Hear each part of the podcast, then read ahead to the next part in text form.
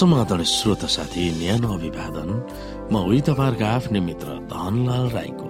श्रोत साथी आज म तपाईँको बीचमा बाइबल सन्देश लिएर आएको छु। आजको बाइबल सन्देशको शीर्षक रहेको छ परमेश्वरको भण्डार वा ढुकुटी कहाँ छ त?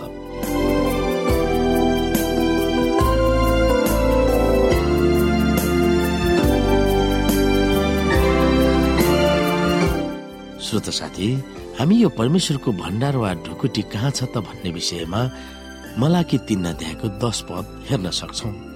यस पदबाट दशास कहाँ जानुपर्छ भनेर हामीलाई सिकाएको छ। हेर्नुहोस् सम्पूर्ण दशास ढुकुटीमा ल्याऊ ताकि मेरो घरमा भोजन रहोस्। यसमा मलाई जाँचेर हेर सर्वशक्तिमान परमप्रभु भन्नुहुन्छ। म स्वर्गका ढोकाहरू उघारेर पर्याप्त ठाउँ पनि नहुने सम्मका आशिष तिमीहरूमाथि वर्षाउँछु वा वर्षाउँदिन। सर्वशक्तिमान परमप्रभु भन्नुहुन्छ। श्रोत साथी परमेश्वरको भण्डार वा ढुकुटी यही हो भनेर नतोकिए तापनि परमेश्वरको ढुकुटी कहाँ हो भनेर मानिसहरूलाई थाहा थियो।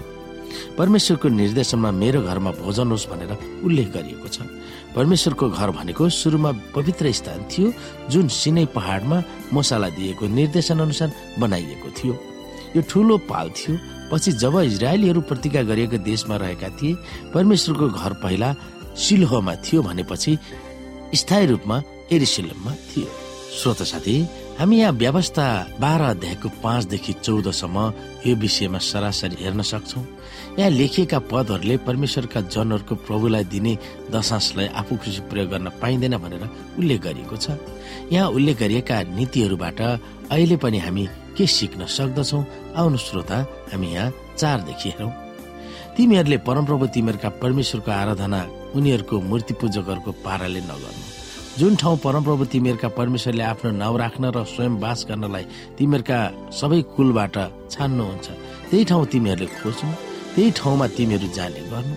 त्यही नै तिमीहरूले आफ्ना होम बलि बलिदान दशांश र विशेष भेटी भाकल बलि स्वेच्छाले बलि र गाई बस्तु भेडा बाख्राका पहिले जन्मका पशु ल्याउने गर्नु।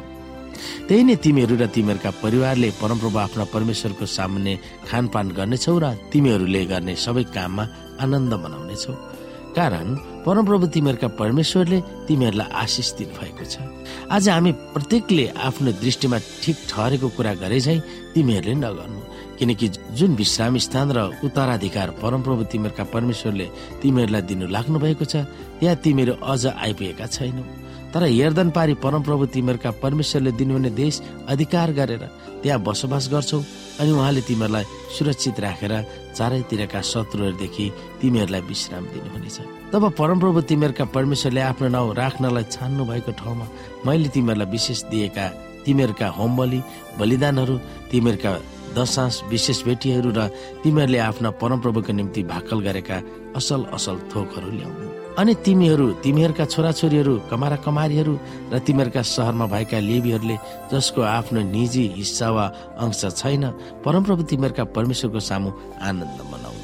होसियार बस तिमीहरूले आफ्नो होमबली तिमीहरूले देखेको जुनसुकै ठाउँमा नचढाउनु तर परमप्रभुले तिमीहरूका कुलबाट छान्नु भएको ठाउँमा मात्रै चढाउनु र मैले आदेश दिएका सबै काम पनि त्यही गर्नु। श्रोता साथी हामी सबैजना परमेश्वरको परिवारका सदस्यहरू भएको हैसियतले हाम्रो दशांशलाई उहाँकै इच्छा अनुसार प्रयोग गर्न हामी बुझ्न चाहन्छौ। परमेश्वरका जनहरू वर्षको तीनपल्ट हेरिसलेमा गएर तिनीहरूको दशांश र भेटीहरू व्यक्तिगत रूपमै चढाउँदै उहाँको स्तुति र आराधना गर्नु परेको थियो भनेर बाइबलमा वर्णन गरिएको छ। ती तीन पर्वहरू निस्तार चाड भेन्टिकोस र छाप्रोबासको चाड थियो।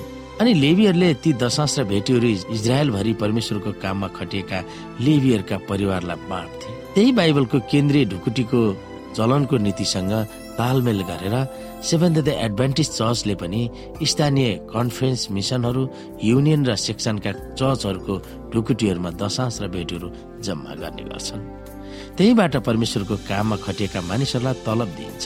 त्यसको लेखाजोखा जनरल कन्फरेन्सको आर्थिक लेखा शाखामा उपलब्ध गराउँछ जति पनि स्थानीय निकायहरूले आर्थिक कारोबार गर्छ त्यो जनरल कन्फरेन्सको निम्ति गरेको हुन्छ। चर्चका सदस्यहरूको सुविधाको निम्ति तिनीहरूले आफ्नो दशांश स्थानीय चर्चमा ल्याउँदछन्। त्यो विधि आराधनाको एक भाग हो। विश्वासीहरूले दशांश र भेटीहरू ल्याएर परमेश्वरको उपासना गर्छन्। स्थानीय चर्चका खजान्सीले ती दशांश र भेटी कन्फरेन्स वा सेक्सनको ढुकुटीमा बुझाउँछ बाइबलमा लेखिएका परमेश्वरकै नीति अनुसार दशांश र भेटीहरूलाई व्यवस्थापन गरेकोले सेभेन एडभान्टेजले विश्वव्यापी रूपमा परमेश्वरका काममा प्रगति गर्न सकेका छन्। अन्तिम श्रोता यदि चर्चका प्रत्येक सदस्यले चर्चलाई व्यवस्था गरेर आफू खुसी दशास दिन थाल्यो भने चर्चलाई के हुन्थ्यो होला हामी सोच्न सक्छौ। दशास भनेको चर्चका अगुवाहरूलाई हेरेर होइन परमेश्वरको वचनलाई पालन गरेर चर्चमा दिने हो। दशासलाई आफू खुसी प्रयोग गर्नु परमेश्वरको विपरीत हुन्छ।